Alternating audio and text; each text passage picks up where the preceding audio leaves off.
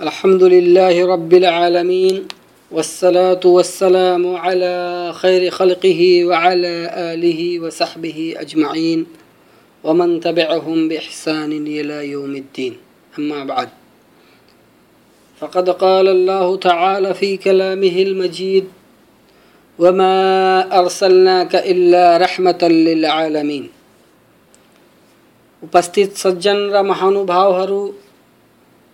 हाम्रा प्रिय साथीभाइहरू र दिदी बहिनीहरू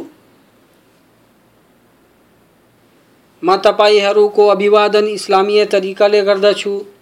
अस्सलामु अलैकुम वरहमतुल्लाहि वबरकातु म आजको यस शुभ अवसरमा यस संसारका उत्कृष्ट सन्देशताको बारेमा गैर मुस्लिमहरूले भनेका उद्गारहरूलाई प्रस्तुत करने गर्ने प्रयासमा छु। अल्लाहसित प्रार्थना छ कि मलाई सत्य भन्ने शक्ति प्रदान गरून् र हामी सबैलाई सत्यलाई अङ्गीकार गर्ने र त्यसको साथसाथै त्यसमा सुदृढ रहने, सुअवसर प्रदान गरून् साथै कुनै शाब्दिक त्रुटि भएमा म तपाईँहरूसित क्षमा प्रार्थी छु। किनकि मनुष्यले जति जतन गरे पनि र जति राम्रो भने पनि, त्यसमा त्रुटि हुने सम्भावना त रहँदै रहन्छ। र म पनि एउटा सृष्टिमध्ये मनुष्य नै हुँ। यसले गर्दा त्रुटि भएमा पहिला नै क्षमा प्रार्थी छु। मैले अहिले कुरानको एउटा श्लोकको पाठ गरेको छु, त्यसको अर्थतिर लागौँ। अल्लाह भन्छ, वमा अर्सलनाक इल्ला रहमतल लिल आलमीन। कि हे मोहम्मद सल्लल्लाहु अलैहि वसल्लम हामीले तपाईँलाई समस्त ब्रह्माण्ड, समस्त संसारको लागि सर्वथा दया पठाएका छौँ। पहिला हामी मोहम्मद सल्लल्लाहु अलैहि वसल्लमको जीवनीको बारेमा केही कुरा गरौँ। पछि म तपाईँहरूको सामुन्ने, गैर मुस्लिमहरूको उद्गार पनि मोहम्मद सल्लाह सल्लमको बारेमा प्रस्तुत गर्ने नै छु। गर्ने नै छु। त सुरु गरौँ मोहम्मद सल्लल्लाहु अलैहि वसल्लम यस संसार को अंतिम संदेष्टा, मक्का को मक्का को शाबे बनी हाशिम हाशिम को घाटी में, नौ रबीउल अव्वल सोमवार को दिन जन्मनु भयो। वहाँ को आमा को नाम आमिना थियो र बुवाको नाम अब्दुल्ला। मोहम्मद सल्लल्लाहु अलैहि वसल्लम सल्लाह वसलमको जन्मभन्दा अघि नै उहाँको पिता अब्दुल्लाहको देहान्त भइसकेको थियो। आमा पछि सबैभन्दा पहिला सोएबाले उहाँलाई आफ्नो दुध खुवाउनु भयो। फेरि हलिमा सादियाले र आफ्नो साथ कबिला बनी साद ल्याउनु भयो। जुन कि तायफ नजिक छ, जुन मक्काभन्दा लगभग अस्सी किलोमिटरको दूरीमा छ। र मोहम्मद सल्लाह वसल्लम कबिला बनी सादमा शक्के सदर सिना च्यात्नुको घटनासम्म त्यहीँ बस्नुभयो त्यस घटना पश्चात हलिमाले उहाँलाई मक्का फिर्ता गर्नुभयो यस पश्चात उहाँ आफ्नो आमा आमिनाको साथ उहाँको स्नेहको छत्र छायामा बस्नुभयो उहाँको छ वर्षको उमेरमा उहाँको आमाको पनि निधन भयो। यस पश्चात यस पश्चात आफ्नो बाजे अब्दुल मुत्तलिबको साथ बस्नुभयो आठ सालको उमेरमा उहाँको बाजे अब्दुल मुत्तलिबको पनि निधन भयो। फेरि उहाँको काकाले उहाँको हेरचाह गर्ने निर्णय लिई आफ्नो कर्तव्य निभाउनुभयो बाह्र वर्षको उमेरमा आफ्नो काका अबू तालिब को साथ मुल्के शामको अर्थात् स्पेनको यात्रा गर्नुभयो त्यहाँ एउटा बुहेरा नामक राहिब, अर्थात् धर्मगुरुसित भेट भयो। जसले मोहम्मद सल्लल्लाहु अलैहि वसल्लमलाई हेर्ने बित्तिकै यो भविष्यवाणी गर्यो कि यो बालक आउनेवाला समयमा अन्तिम सन्देष्टा हुनेछ यस बालकलाई यहुदीहरूको समक्ष कदापि नलग्नु होला, किनकि यहाँको शरीरमा जुन लक्षणहरू छन्, त्यसलाई हेर्ने बित्तिकै यहुदीहरूलाई ज्ञान भइहाल्छ कि जुन अन्तिम सन्देष्टाको उनीहरू प्रतीक्षा गरिरहेछन्, त्यो त अरबमा जन्मिसकेछ। अनि यस बालकलाई मार्न खोज्छन्, अनि उहाँको काकाले उहाँलाई मक्का फिर्ता पठाइदिनु भयो उहाँको बिस वर्षको उमेरमा फुजार नामक भयङ्कर युद्ध भयो। मोहम्मद सल्लाह वसल्लमले बाख्रा चराउनु भयो, व्यापार गर्नुभयो र उहाँको इमान्दारी र पवित्र चरित्रको कारण नै हज़रत खदिजाले उहाँबाट अल्लाह प्रसन्न हुन्। मोहम्मद सल्लाह वसल्लमसँग बिहे गर्ने बिहे गर्नुभयो अनि बिहे गर्ने समय मोहम्मद सल्लल्लाहु अलैहि वसल्लम को उमेर 25 वर्ष को थियो, र हज़रत खदीजा को उमेर 40 वर्ष थियो। हज़रत खदीजा सीता मोहम्मद सल्लल्लाहु अलैहि वसल्लमलाई यति प्रेम भयो कि उनको जीवनमा उहाँले अरु कसैसँग बिहे गर्नु जब कुरैशले काबा, जसको पर्खाल, पुरानो भएर भत्कन थालेको थियो, त्यसलाई निर्माण गर्ने निर्णय गरे फेरि हजरे अस्वद, कालो ढुङ्गा, पत्थर जुन अहिले पनि जुन अहिले पनि काबाको एउटा कुनामा स्थापित छ, त्यसलाई काबाको पर्खालमा राख्ने, स्थापित गर्ने विषयमा सबैको मतभेद भयो। फेरि सबैले भने जुन जुन यस मस्जिदे हराममा सबैभन्दा पहिला मान्छे आउनेछ त्यो नै यस विषयको निर्णय गर्नेछ फेरि जब सबैले हेरे कि पहिलो व्यक्ति मोहम्मद सल्लल्लाहु अलैहि वसल्लम आइपुग्नु भएछ, सबै प्रसन्न भएर भन्न थाले, अमिन आयो अमिन आयो। हामी यस सत्यवानको निर्णयलाई अवश्य मान्नेछौँ फेरि मोहम्मद सल्लल्लाहु अलैहि वसल्लमले जुन चतुराईले निर्णय गर्नुभयो सबै प्रसन्न भएर भएर उहाँको गुणगान गर्न थाले। मोहम्मद अलैहि वसल्लम मूर्ति पूजनलाई मन पराउँदैनथे त्यसै कारण मक्काको गारे हेरामा, हेरा नामक गुफामा गएर अल्लाहको उपासना गर्दथे। चालिस वर्षको उमेरमा उहाँलाई नबी बनाइयो र गारे हेरामा हज़रत जिब्रिल पहिलो पाँच आयत लिएर उहाँमाथि अवतरित गरे फेरि सुरे अल मुजम्मिल र मुदस्सिरद्वारा रसुल बनाएर इस्लामको प्रचार करने आदेश गरियो। उहाँमाथि इमान ल्याउनेहरूमध्ये सबैभन्दा पहिलो स्त्री वहाँ को स्वास्नी हज़रत खदीजा रज़ी अल्लाह अनहा, र पुरुषमा हज़रत अबू बकर हुन्। सीता अल्लाह प्रसन्न होस्। मोहम्मद सल्लल्लाहु अलैहि वसल्लम ले जब मक्कावासीहरूलाई इस्लाम तरफ़ बोलाए रने की माँ अल्लाह को रसूल हूँ मक्का रसुल हुँ वहाँ को उपहास गर्न थाले। र भन्न थाले, हे मोहम्मद, तिमी त झूठा छौ, मोहम्मद तिमी त लोभी छौ। तर जब मोहम्मद सल्लल्लाहु अलैहि वसल्लम ने उनीहरूलाई कुरान सुनाए। सबै अवाक्क भएर भने, मोहम्मद त निरक्षर छ। यस्तो कलाम, यस्तो बाणी, यो कसरी र कहाँबाट ल्याउन सक्छ?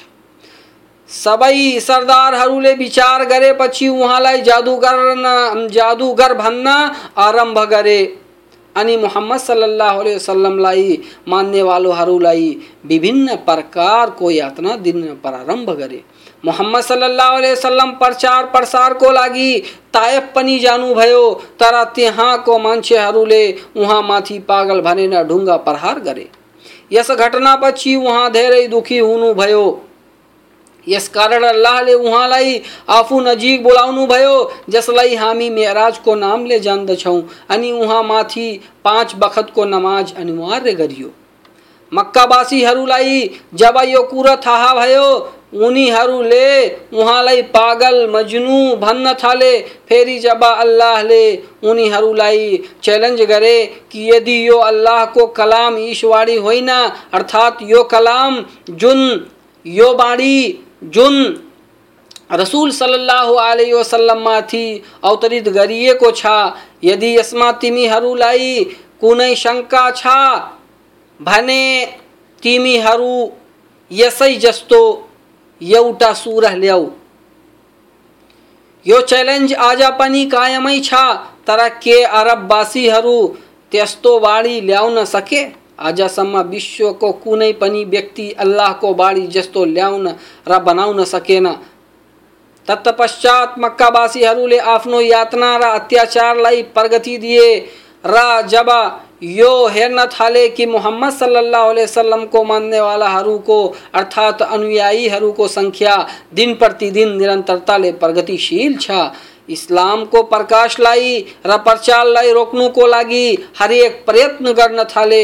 मोहम्मद सल्लाह अलैहि वसल्लमलाई अनेक खालको लोभ, लालच दिए तर उनीहरूको सबै प्रयास विफल भयो। त्यसपछि उनीहरूले मोहम्मद अलैहि वसल्लमलाई मार्ने निर्णय गरे, तर जाको राखे साइया मार सकेन कोही अल्लाहले उहाँलाई र उहाँको साथीहरूलाई मक्का छाड्न आदेश दिए। उहाँको साथीहरू मदिनातिर प्रस्थान गरे। एक रात्रि काफिरहरूले उहाँको घरको घेराउ गरे।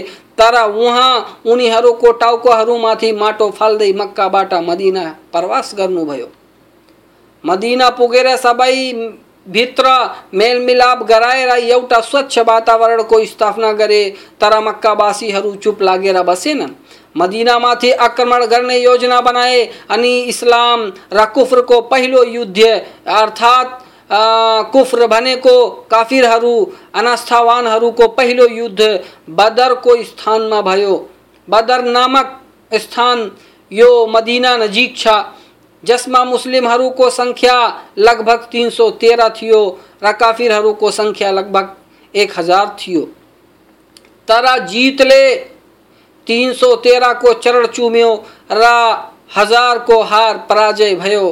काफिर पराजित भएर मक्का फर्के इस्लामको मान्नेवालाहरूको सङ्ख्या बढ्दै गयो, तसर्थ इस्लामको शक्ति पनि बढ्दै गयो। र अल्लाहलाई मान्ने अथवा नमान्नेवालाहरू बिच युद्ध हुँदै रह्यो। यहाँसम्म कि मक्कालाई पनि विजय गरियो।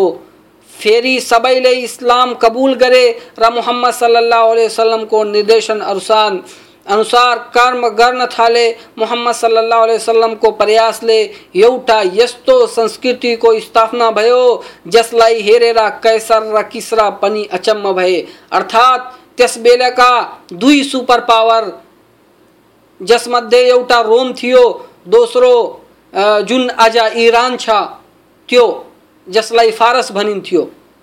ती सबैहरू इस्लामको शक्तिलाई देखेर अचम्म भए। इस्लाम अब पूर्ण भइसकेको थियो।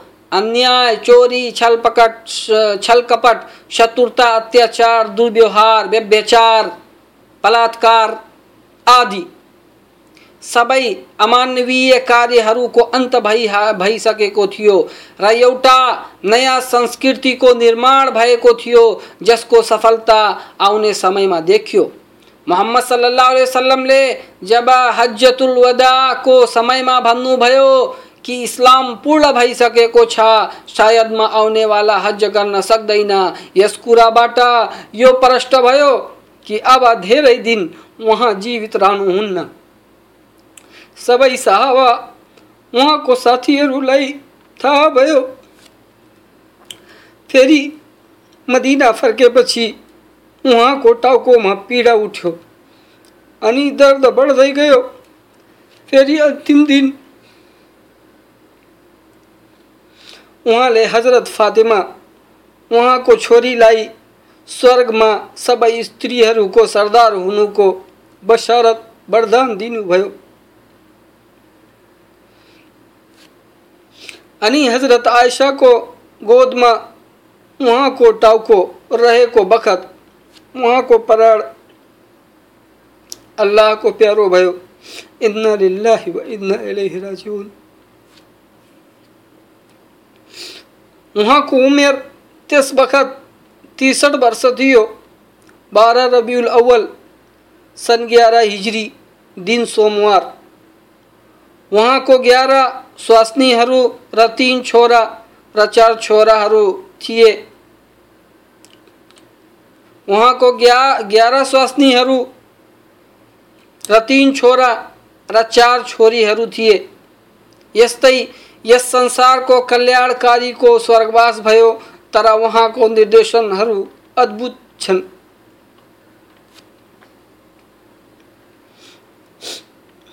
मोहम्मद सल्लल्लाहु अलैहि को बारे में यो अति संक्षिप्त जानकारी थियो। अब उहाँको बारेमा अन्य धर्मावलम्बी र विद्वानहरूको उद्गार प्रस्तुत गर्दछु जुन कि गैर मुस्लिम थिए। पहिलो उद्गार जेएच डिनेसन भन्छन् पाँचौँ र छठौँ शताब्दीमा मानवताको सभ्यता तबाहीको नजिक पुगिसकेको थियो।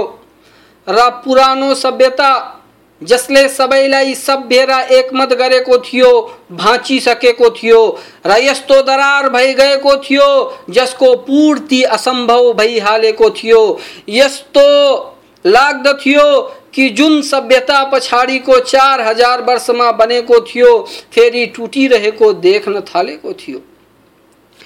र फेरि मनुष्यहरू जनावर बनिरहेका थिए, र मानवताको एक एक मत टुक्रा टुक्रा हुन थालेको थियो। र दलहरू एक अर्कासँग लडिरहेका थिए, र कानुनको नाम पनि मेटिसकेको थियो।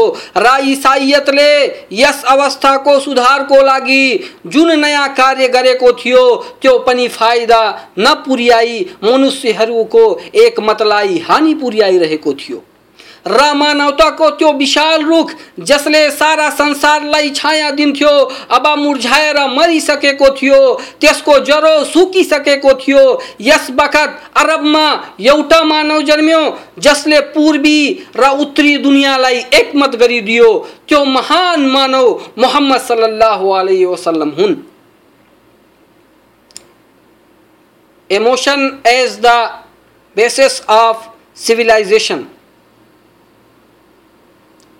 जे डिन्युपोर्ट भन्नुहुन्छ यस्तो कुनै प्रमाण र गवाही मिल्दैन जसले गर्दा यो भन्न सकियोस्। कि मोहम्मद सल्लल्लाहु अलैहि वसल्लमले आफ्नो दावीको आफ्नो दावीको प्रमाणको लागि कुनै फरेब अथवा धोकामा निर्भर मोजजा चमत्कार देखाउनु भएछ र आफ्नो धर्मलाई लागू गर्नको लागि कुनै पनि गलत उपाय गर्नुभएछ यस विपरीत त्यस ज्ञानमाथि निर्भर हुनुभयो जुन उहाँलाई अल्लाहले प्रदान गर्नुभएको थियो र फेरि उहाँको निस्वार्थता र सत्यता जुन अल्लाहको सत्यतामाथि निर्भर थियो।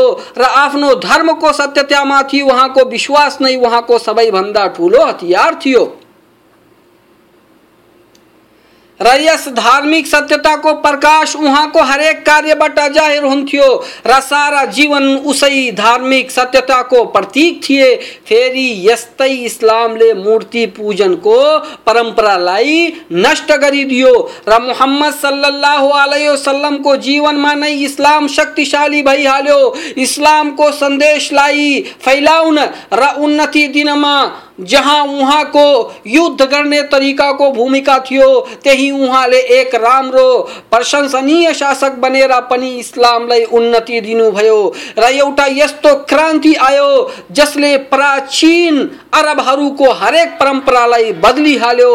अन्यायको सट्टामा इन्साफ आयो, कसै दोषी पापीलाई बिना सफ़ाई सजा अर्थात् दण्ड हुन सक्दैन थियो। अरब जस्तो महाद्वीपमा यस्तो इन्किलाब, यस्तो क्रान्ति वास्तवमा मोहम्मद सल्लल्लाहु अलैहि वसल्लमको चमत्कार थियो। Apology for Muhammad and Islam George Bernard Shaw भन्नुहुन्छ, मध्य शताब्दीहरूमा इसाई राहिब गुरुहरूले अज्ञानता र भेदभाव को कारण इस्लामलाई भयानक र आश्चर्यजनक बनाएर दर्शाए। उनीहरूले इस्लाम विरुद्ध सुनियोजित ढङ्गले तहरीक प्रतिकार चलाए। यस कार्यमा लेखकहरू र राहिबहरू अगाडि अगाडि थिए, तर उनीहरूको यो सोच इस्लाम विरुद्ध क्रियाकलाप गलत थियो, किनकि मोहम्मद सल्लल्लाहु अलैहि वसल्लम एउटा महान व्यक्ति हुनुहुन्थ्यो। र वास्तवमा उहाँ मानवता मानवताको कल्याण कल्याणकारी हुनुहुन्थ्यो र अर्को ठाउँमा उहाँको भनाइ छ, मोहम्मद सल्लाह वसल्लम को धर्मलाई मैले सधैँ त्यसको अचम्बित शक्ति र सत्यताको कारण उच्च श्रेणी दिएको छु। मेरो दृष्टिले मोहम्मद सल्लाह वसल्लमको धर्म विश्वको त्यो अनौठो धर्म हो, जुन हर युगको समस्याको समाधान गर्छ। मैले महान व्यक्ति मोहम्मद सल्लाह वसल्लमलाई राम्री अध्ययन गरेको छु। मोहम्मद सल्लाह वसल्लमलाई सबै मसीहको शत्रु भन्छन् तर वास्तवमा मोहम्मद सल्लाह वसल्लम नै वास्तविक रूपमा मानवताको मुक्तिकर्ता थिए। मेरो यो आस्था छ कि मोहम्मद सल्लल्लाहु अलैहि वसल्लम जस्तो कोही व्यक्ति यस विश्वको शासक हुन्थ्यो भने यस संसारको सबै समस्याको समाधान भइहाल्थ्यो र यो संसार शान्ति र खुसीको संसार भइहाल्थ्यो। म मोहम्मद सल्लल्लाहु अलैहि वसल्लमको धर्मको बारेमा यो भविष्यवाणी गर्दछु कि यो भविष्यको युरोपको लागि त्यति नै स्वीकृत हुन्छ जति कि आज छ। Islam our choice Islam our choice भनेको यो रिफरेन्स हो।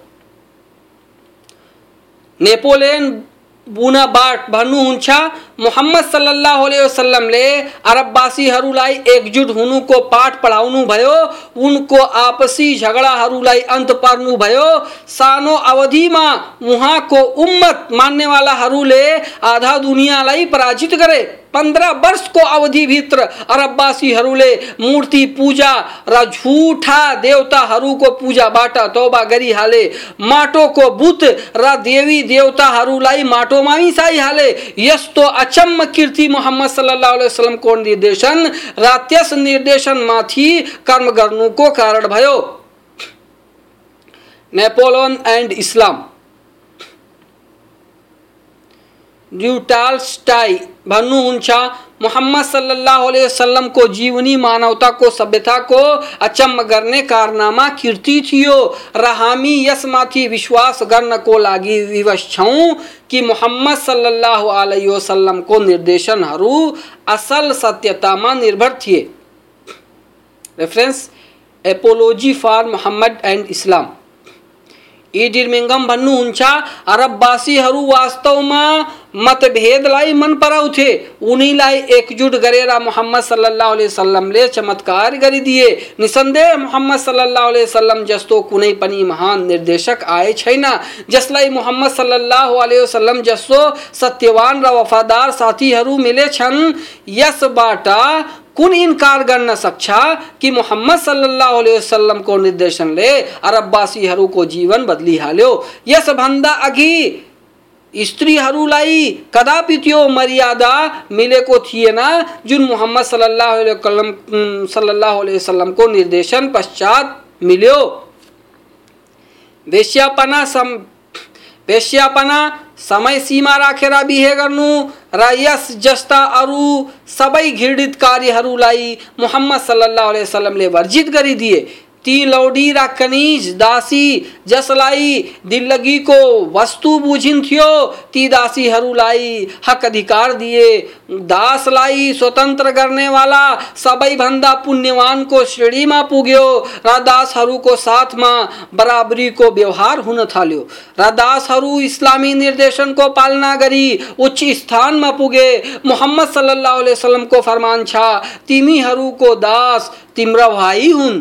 जसले एउटा दास स्वतन्त्र गर्यो, त्यसमाथि नर्कको आगो हराम भयो। आफ्नो दासहरूलाई त्यही खुवाऊ, जुन तिमी खान्छौ, र उनीलाई त्यस्तै लुगा लगाउनको लागि देऊ, जस्तो तिमी लगाउँछौ, र उनको शक्तिभन्दा अधिक काम नल्याऊ कसैले एक दिन हज़रत बिलाल उहाँसित अल्लाह प्रसन्न हुन् लाई हबसी को बच्चा भनेर बोलाए, त्यस बखत हुजुर सल्लल्लाहु अलैहि वसल्लमले के भन्नुभयो कि तिमी भित्र अहिलेसम्म इस्लाम भन्दा पहिलाका कुराहरू बाँकी छन्?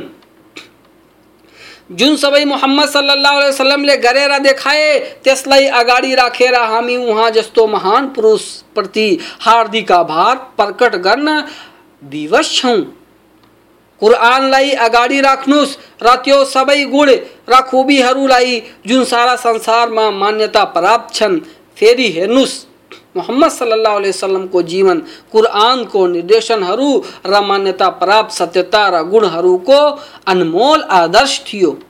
उहाँ आफ्नो कुराकानीमा रहन सहनमा यस सीमा अगाडि जानु भएन। मोहम्मद यस्तो महान चरित्रवान हुनुहुन्थ्यो र अर्को ठाउँमा डिर्मिङ्गमको भनाइ छ, ईसा मसीहसित जब एउटा मान्छेले सोध्यो कि सम्राटको मान्छेहरू आफ्नो कर्माक्षण र तपाईँ आफ्नो आज्ञाकारिताको अंश माग्नुहुन्छ, हामी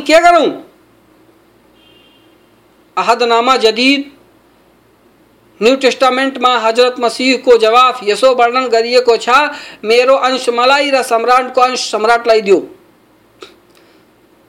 मोहम्मद सल्लल्लाहु अलैहि वसल्लम जुन धर्म ल्याए र जुन निर्देशन विश्वलाई प्रदान गरे, त्यसमा यस्तो दुईतर्फी कुरो छैन। मोहम्मद सल्लाह वसल्लमको फरमान छ, तिमीहरूको जे पनि छ, सबै अल्लाहको हो। र अल्लाहको सम्राटत्वमा कोही पनि साझीदार छैन। अर्को ठाउँमा निगमको भनाइ छ, ईश्वरमाथि जस्तो आस्था र विश्वास मोहम्मद सल्लाह वसल्लमको थियो, त्यस्तो अर्को उदाहरण इतिहासले दर्शाउन सकेन। एक दिन मोहम्मद सल्लाह वसल्लम मदिनातर्फ जाँदै थिए र एउटा रुख मुनि सुते र आफ्नो तरवार एउटा हाँगामा झुन्ड्याइदिए एकाएक उहाँको निद्रा खोल्यो र उहाँले एउटा अपरिचित व्यक्तिलाई हेर्नुभयो, जसको हातमा तरवार थियो। फेरि त्यस अपरिचित व्यक्तिले उहाँसित सोध्यो भन्नुहोस् मबाट तपाईँलाई को बचाउँछ उहाँले कोमल स्वरमा भन्नुभयो मेरो अल्लाह। त्यो मान्छे यो सुनेर यति भयभीत भयो कि उसको हातबाट तरवार छुटेर भुइँमा खस्यो। फेरि मोहम्मद सल्लाह वसल्लमले उसको तरवारलाई समातेर भने अब तिमीलाई को बचाउँछ त्यस अपरिचितले लाचारिता। र व्याकुलताले भन्यो, मलाई बचाउनेवाला कोही पनि छैन। त्यसपछि उहाँले तरवारलाई पर फाले अनि भने, अल्लाहमाथि मान ल्याऊ, उही तिम्रो रक्षा गर्नेछ। तिर्मङ्गनज्यू अगाडि भन्नुहुन्छ कि इस्लामको कुनै विरोधी मोहम्मद सल्लाह वसल्लमको जीवनको एउटा पनि घटना बताउन सक्छ, जसमा मोहम्मद सल्लाह वसल्लमले आफ्नो मुखबाट नराम्रो कुरा गर्नुभएको होस्, अथवा कसैलाई कष्ट दिनु भएको होस्, यो कुनै पनि व्यक्ति प्रमाणित गर्न नसकेछ न गर्न सक्नेछ। Reference the life of Muhammad publishing उन्नाइस सौ तीस। जिएम डी कार्ड भन्नुहुन्छ, मोहम्मद सल्लाह वसल्लमले आफ्नो निर्देशन बुद्धिमानी न र निस्वार्थताले कानुन नभएको ठाउँमा कानुन स्थापित गर्नुभयो सामाजिक र धार्मिक एजेन्डा स्थापित गर्नुभयो उनीहरूलाई एउटा यस्तो उपासनामा लगाउनुभयो जसले रङ नसल जातपात अमिर, गरिब जस्तो भेदभावलाई अन्त गरिदियो। संसारको कुनै पनि सन्देशटा एवं दूत अथवा व्यक्तिले यस्तो समाजको स्थापना गर्न सकेन, जुन आउनेवाला युगको लागि पथ प्रदर्शक र उदाहरण होस्। जस्तो कि मोहम्मद सल्लाह वसल्लमले गर्नुभयो। रेफरेन्स मोहम्मद पब्लिसिङ उन्नाइस सौ सोह्र। ए गेलेमियुम ए गिलियुम भन्नुहुन्छ मानवताको इतिहासमा मोहम्मद सल्लल्लाहु सल्लाह वसल्लमको स्थान उच्चतम र भिन्न छ। उहाँको सबैभन्दा ठुलो विजय यो हो कि उहाँले मानवहरूलाई यस आस्थामा राज़ी गरे कि अल्लाह एक छ र सबै मुस्लिमहरू एक उत्तम समूह हुन्। उहाँको महानता वा भव्यता अथवा राजनैतिकता कठिन कठिनभन्दा कठिन जटिल अवस्था एवं समस्यालाई सुल्झाउनुमा देखिन्छ। अरबीहरूलाई एकजुट गर्न सम्भव थिएन। तर मोहम्मद सल्लाह अलैहि वसल्लमले आफूलाई प्रदान गरिएका निर्देशनहरूको माध्यमले उनीहरूलाई एकजुट गरेर देखाए। इस्लाम पब्लिसिङ उन्नाइस सौ त्रिसठ। जे हेङ्गेज भन्नुहुन्छ, जुनसुकै व्यक्ति पनि मोहम्मद सल्लाह अलैहि वसल्लमको सुरुवातको प्रारम्भिक अवधिलाई हेर्छ त्यसलाई इस्लामको उन्नतिमाथि अचम्म लाग्छ। जस जटिल अवस्थासित उहाँको पाला परेको थियो, कुनै अर्को नबी सन्देष्टाको परेको थिएन। उहाँले आफूलाई एउटा यस्तो महान धार्मिक निर्देशकको रूपमा पेश गरे, जसको उदाहरण कतै पनि मिल्दैन।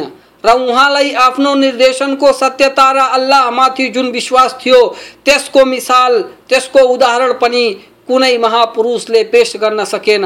मोहम्मद सल्लल्लाहु अलैहि वसल्लमले यो प्रमाणित गरी भयो कि उहाँ अल्लाहद्वारा पठाइएका दूत हुन्। उहाँ जस्ता महान व्यक्ति इतिहासमा न मिलेछ, न मिल्न सक्छ।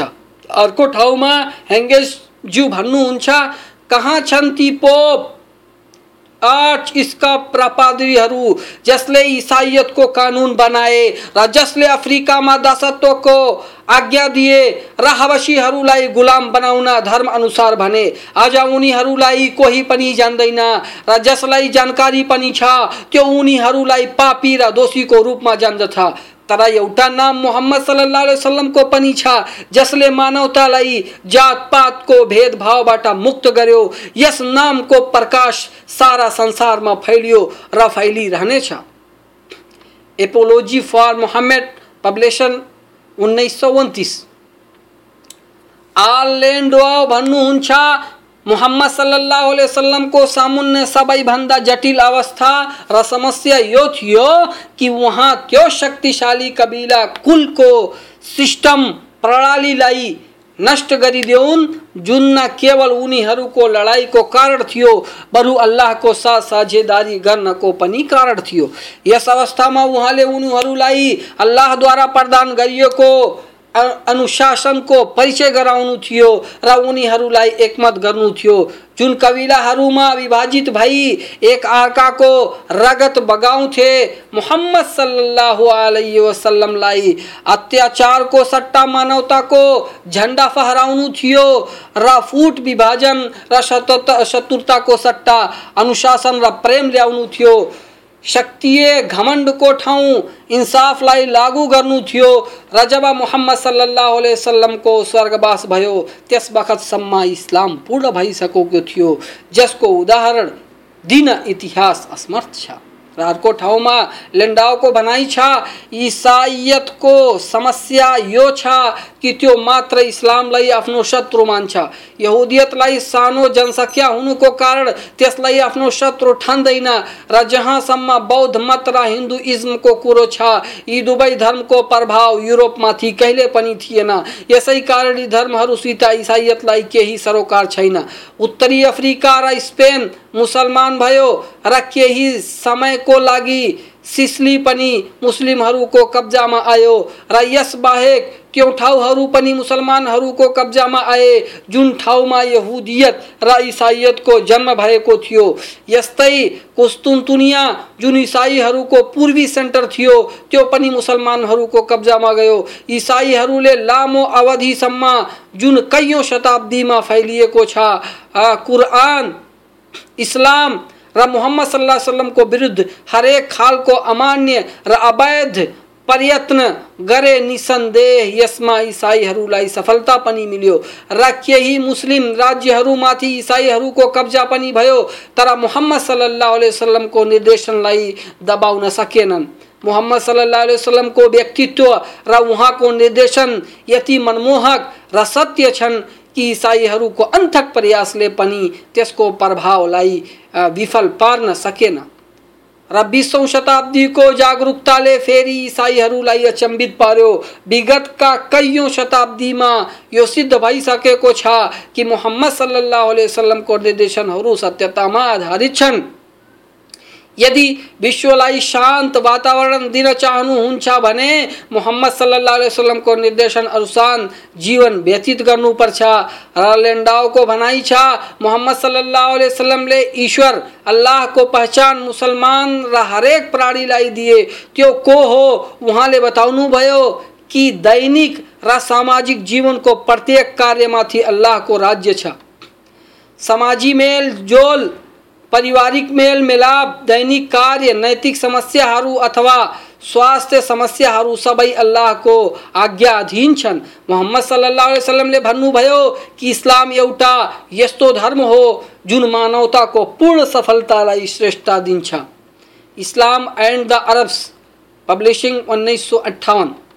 र एजी ल्युनार्ड भन्नुहुन्छ मोहम्मद सल्लाह वसलम एउटा यस्तो महान व्यक्ति थिए, जसको अगाडि एउटा उच्च लक्ष्य थियो र उहाँ आफ्नो लक्ष्यको बिच आउने सबै जटिलभन्दा जटिल समस्याको समाधान गर्नु क्षमता एवं शक्ति राख्दथे।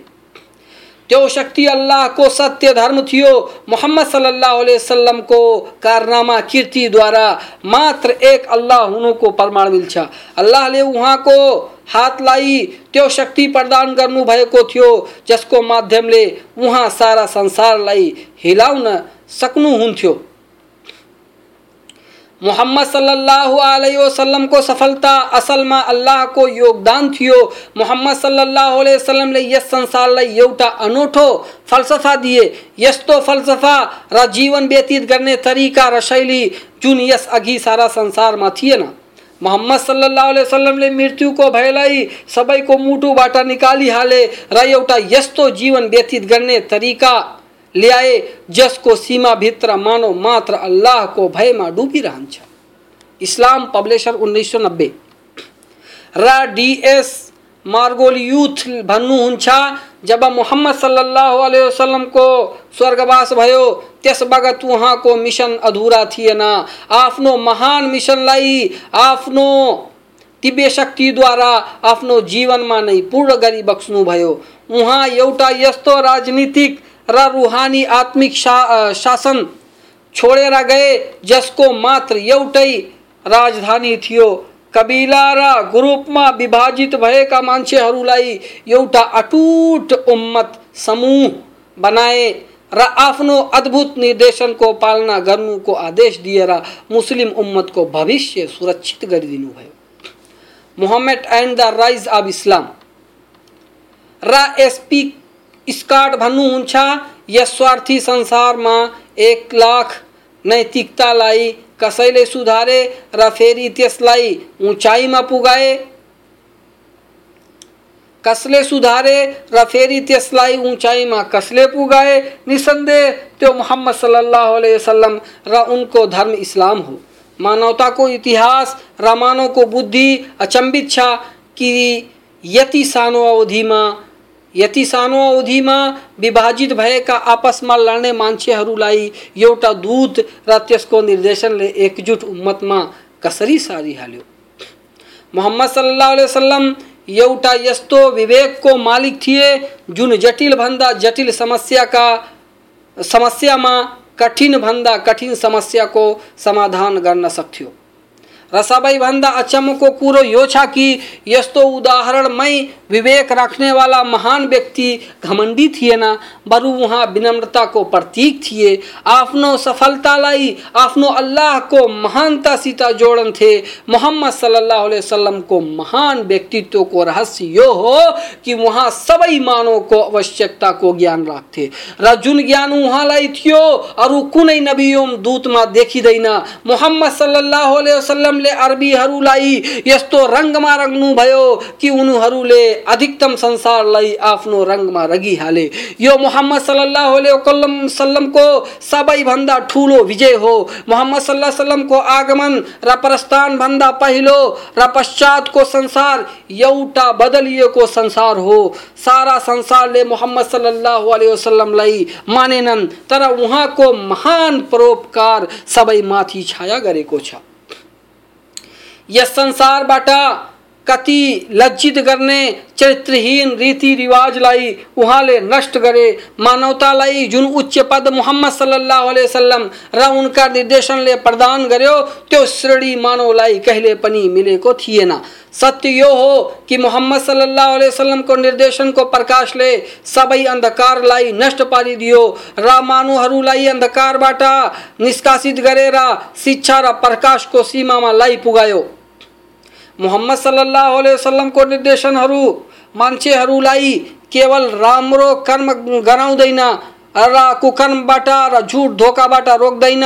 बरु मनुष्यको त्यो जिब्रो जुन एक अवधिसम्म मृत्यु पश्चात हिल्दैन प्रलयको दिन त्यसैले गरेको समय कार्यलाई त्यो गवाही दिन्छ। यो पनि उहाँले भन्नुभएको छ। र भन्नुभएको छ कि मृत्यु पश्चात को दिन त्यही जिब्रो हिल्छा र आफूले गरेको सुकर्म को उपहार लिन्छ। यो मोहम्मद सल्लल्लाहु अलैहि वसल्लमको भनाइ छ।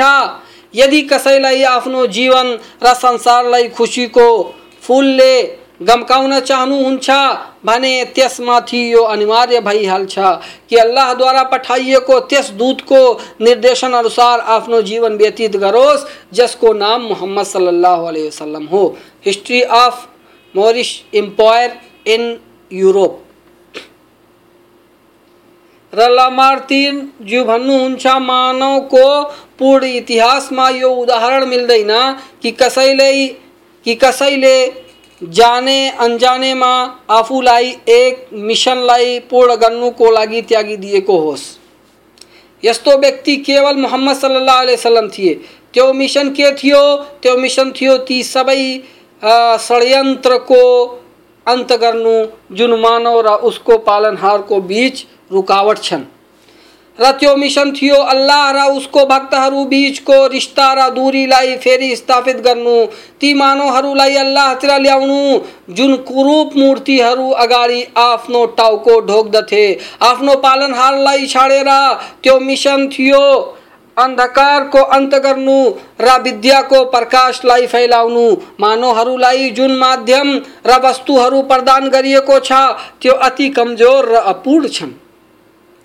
यसैले गर्दा मोहम्मद सल्लाह वसल्लमभन्दा अघि कसैले पनि यो कार्य गर्नुको बडा बेडा उठाएका थिएनन्। तर मोहम्मद सल्लाह अलैहि वसल्लमले त्यस कार्यलाई गर्ने साहस पनि गरे र त्यसलाई सफलतापूर्वक पूर्ण पनि गरेर देखाए। आफ्नो यस प्रयासमा जुन शक्ति ओम, भक्ति प्रयोग गर्नुभयो त्यो कुनै अर्काको एवं आकस्मिक शक्ति थिएन। बरु आफ्नो अस्तित्वलाई त्यसमा लगाइहाले। उहाँ अल्लाहको प्रकाशबाट प्रकाशित थिए। मोहम्मद सल्लल्लाहु अलैहि वसल्लम फलसफी, वक्ता, प्रचारक, शासक, योद्धा, वीर पनि थिए र उहाँले अल्लाहको अनुशासनलाई लागू पनि गर्नुभयो र उहाँले एउटा यस्तो शासनको स्थापना पनि गर्नुभयो जुन अद्भुत छ। त्यो सबै नियम र कानुन, जसको माध्यमबाट हामी कसैको महानतालाई जाँच्न सक्छौँ, ती सबैबाट पर्खेर भन के मोहम्मद सल्लाह वसल्लम भन्दा कोही महान छ? लेमान्स वियो आन प्रोफेट मोहम्मद पिसबान बिहिम र लेन पोल भन्नुहुन्छ मोहम्मद सल्लाह वसल्लमको निर्देशनहरूको बारेमा कतिपयजनालाई सन्देह छ र यो सन्देह बाँकी नै रहन्छ। यस्तो मान्छेहरूको सामुन्ने यो समस्या छ कि यो निरन्तरतासित बदलिरहेको युगमा मोहम्मद सल्लाह वसल्लमको निर्देशनहरूलाई कसरी अन्तिम र अद्भुत भन्न सकिन्छ? यो इस्लामको सत्यता र अद्भुततामाथि एउटा महत्त्वपूर्ण प्रश्न हो। एउटा सामान्य दृष्टि यो पनि छ कि इस्लामको निर्देशनहरू अन्तिम र, कठिन र, जटिल छन् यसो गरी यी टिप्पणी गर्नेहरूलाई र सन्देह गर्ने गर्नेवालाहरू इस्लामलाई एउटा निर्दयी धर्म प्रमाणित पनि गर्न प्रयास गर्छन् र यो भन्छन् कि इस्लामको निर्देशनहरू सबै सदैवको लागि हुन सक्दैन। के वास्तवमा यस्तो छ? सारा संसार में मोहम्मद सल्लल्लाहु अलैहि वसल्लम जस्तो कोही दोस्रो छैन मोहम्मद सल्लल्लाहु अलैहि वसल्लम अत्याचार, कुकर्म आदि को विरोध गर्थे उहाँ मनुष्यको सीमा र उनीहरूको कमी कमजोरीको ज्ञान राख्थे यसै कारण मोहम्मद सल्लाह वसल्लम आफ्नो साथीहरूलाई यो सिकाउँदै रहन्थे कि तिमीहरू यति पूजा गर जति गर्न सक्छौ। र यस्तै आउनेवाला युगको बारेमा आफ्नो साथीहरूलाई बताउनु भयो कि सुन। तिमीहरू एउटा यस्तो युगमा छौ, जसमा तिमीहरूलाई जुन निर्देशन दिएको छ, त्यसको दसौँ हिस्सा अंशलाई पनि छाड्यो भने तिमीहरू बर्बाद भइहाल्नेछौ र भविष्यको युगमा जसले यी दसौँ मध्ये एकमाथि कर्म भने त्यो सफल भइहाल्नेछ र अर्को ठाउँमा लेन पोलको भनाइ छ, वास्तवमा मोहम्मद सल्लाह वसलम जुन दिन आफ्नो शत्रुहरूमाथि विजय प्राप्त गर्यो, त्यो, प्राप्त गरे त्यो उनको लागि एउटा महान दिन थियो? अर्थात् फतेह मक्का यहाँ भन्न चाहनुहुन्छ र त्यही दिन उनको लागि मानवताको महान जीत थियो। उहाँले ती मक्कावासीहरूलाई माफ़ गरे जसले उहाँ र उहाँका साथीहरूमाथि वर्षौँ यातना दिएर दिएर अत्याचार गरेका थिए। मोहम्मद सल्लल्लाहु अलैहि वसल्लम विश्व को एकलो व्यक्ति हुनु हुन्छ, जसले जन्मदेखि पवित्र र साधारण जीवन व्यतीत गर्नुभयो। जुन निर्देशनहरू लिएर उहाँ आउनुभएको थियो, त्यसको प्रचारको लागि आफ्नो धन जीवन सबै लगाइहाल्नुभयो।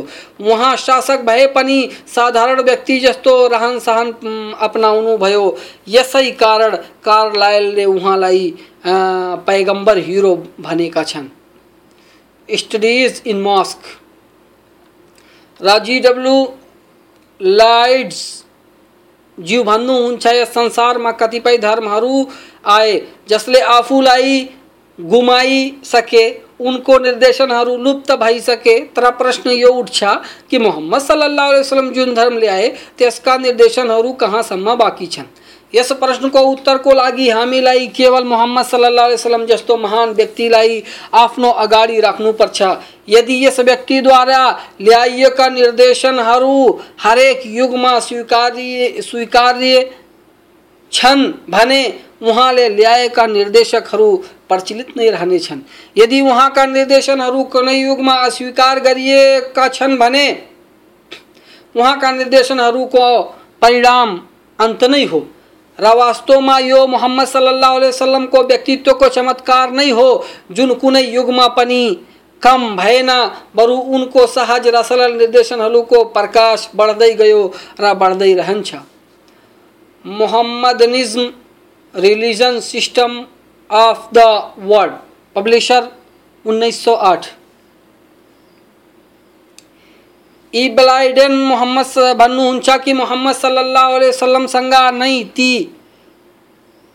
समानता र गणतन्त्रले जन्म लियो जुन उहाँभन्दा पहिला यस संसारमा थिएन अब धन, जात, पात भेदभाव को कोई अर्थ बाँकी रहेन गुलाम इस्लाममा प्रवेश गरेर स्वतंत्र भयो, शत्रु इस्लाममा प्रवेश गरेर नातेदार भयो।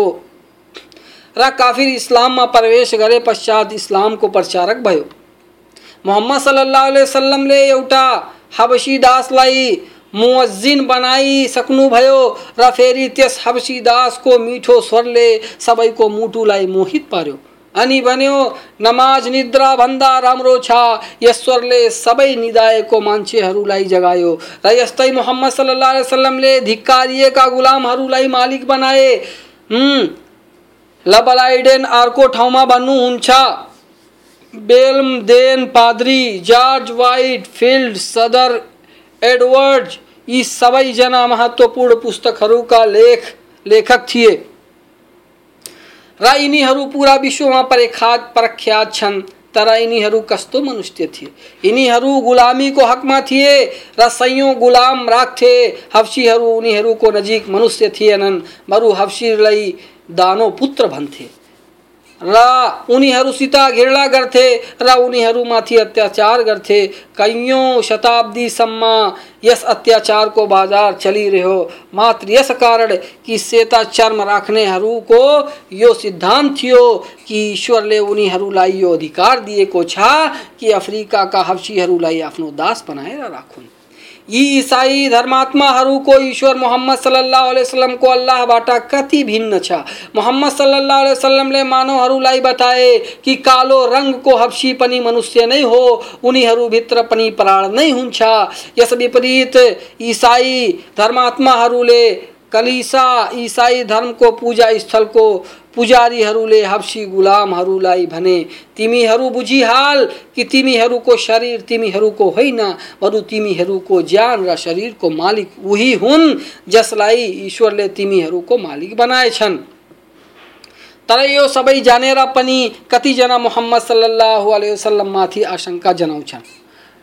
डाक्टर मेकेलियर भन्छन् पड़ोसियामा अंधकार पाखंडता छल यति अधिक भइसकेको थियो कि हरेक व्यक्तिलाई तीन बिहे गर्ने अधिकार थियो। तर स्वास्नीहरूको हैसियत र महत्व, दासी भन्दा बढी थिएन र लोग्नेको मृत्यु उपरान्त त्यसलाई पनि सती हुनु पर्थ्यो त्यस युवतीले विरोध गर्यो भने मृतकको परिवारहरू त्यसको हत्या गरिहाल्थे। तर मोहम्मद सल्लाह सल्लमले यो आदेश दिनुभयो कि जबसम्म तिम्रो स्वास्नी तिमीलाई आज्ञा नदेओस् र जबसम्म त्यसमा केही कमी कमज़ोरी न होस्, र जबसम्म तिमी दुवै स्वास्नीहरूलाई पालन र तिनीहरूको जायज़ आवश्यकता र चाहनाहरूलाई पूर्ण गर्न शक्ति नहोस् तबसम्म दोस्रो बिहे गर्न आज्ञा छैन। साँचो वास्तविक शांति को धर्म मोहम्मद सल्लाह वसलमले ल्याउनु भयो। जसले महिलाहरूलाई त्यो महान श्रेणी प्रदान गरियो, जुन कुनै युगमा पनि महिलाहरूलाई मिलेको थिएन। मसीहको नाउँ मानवता मानवतालाई जति अन्धकारमा पुर्याइ हालेका थिए। मोहम्मद सल्लाह वसल्लमले त्यति नै त्यस मानवतालाई प्रकाश दिनुभयो र मानवतालाई समानताको अधिकार दिए, एउटा शान्त समाजको स्थापना गर्नु, गरे। अफ्रिकामा इस्लाम, र मोहम्मद सल्लाह वसल्लमको मान्नेवालाहरूले गणतन्त्र राज्य बनाए। मुस्लिमहरूको विजय पश्चात अंधियारो ठाउँमा पनि इस्लामको प्रकाश पुग्यो। र मोहम्मद सल्लाह वसल्लमको निर्देशनले मानव मानवतालाई टल्काउन ठाल्यो टल्काउन थाल्यो इसाइयत जता पनि गयो मानवलाई आफ्नो गुलाम बनायो र आफ्नो शक्ति र अत्याचारद्वारा शासन गर्यो। तर मोहम्मद सल्लाह वसल्लमको धर्म जहाँ पनि गयो, त्यहाँ गणतन्त्र ल्यायो।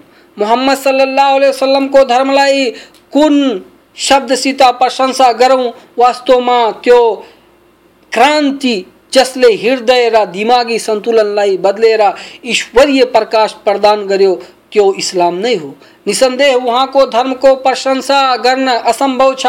दक्षिणी अफ्रिकामा मुस्लिमहरूको सेनाको विजयपछि उत्तरी अफ्रिकामा बिना आक्रमण, विवाह, पुस्तक र मस्जिद मस्जिद मदरसाद्वारा इस्लामको प्रकाश पुर्याए, र उनीहरूको हृदयमाथि राज्य गरे निसन्देह मोहम्मद सल्लाह अलैहि वसल्लमको रुहानी विजय, आत्मिक विजयलाई हामी शब्दमा वर्णन गर्न सक्दैनौँ। Christianity, Islam and the Negro race publisher उन्नाइस सौ उनहत्तर। र डब्लु डब्लु केस भन्नुहुन्छ यो मोहम्मद सल्लल्लाहु अलैहि वसल्लम को धर्म हो, जिसको मार्ग में जात पात को भेदभाव, रोग, बंदेज, छैन। बरु इस्लामले हरेक जातलाई यो असर प्रदान गर्छ कि त्यो मान, त्यो इमान ल्याउन् र यस्तो लोकतन्त्रको अंश बनुन्। जसको आधार बराबरी माथि निर्भर छ। र जसमा भेदभावको कुनै ठाउँ छैन। आजको युगमा मोहम्मद सल्लाह वसल्लमको निर्देशनको प्रभाव नै हो। जसले अफ्रिका र एसियामा एउटा यस्तो जागरुकता ल्यायो जागरुकतालाई जन्मायो, जसबाट पश्चिमी ईश्वरलाई न मान्नेवालाहरूको समाज भयभीत भइसकेको छ। The expansion of Islam publication, उन्नाइस सौ अट्ठाइस।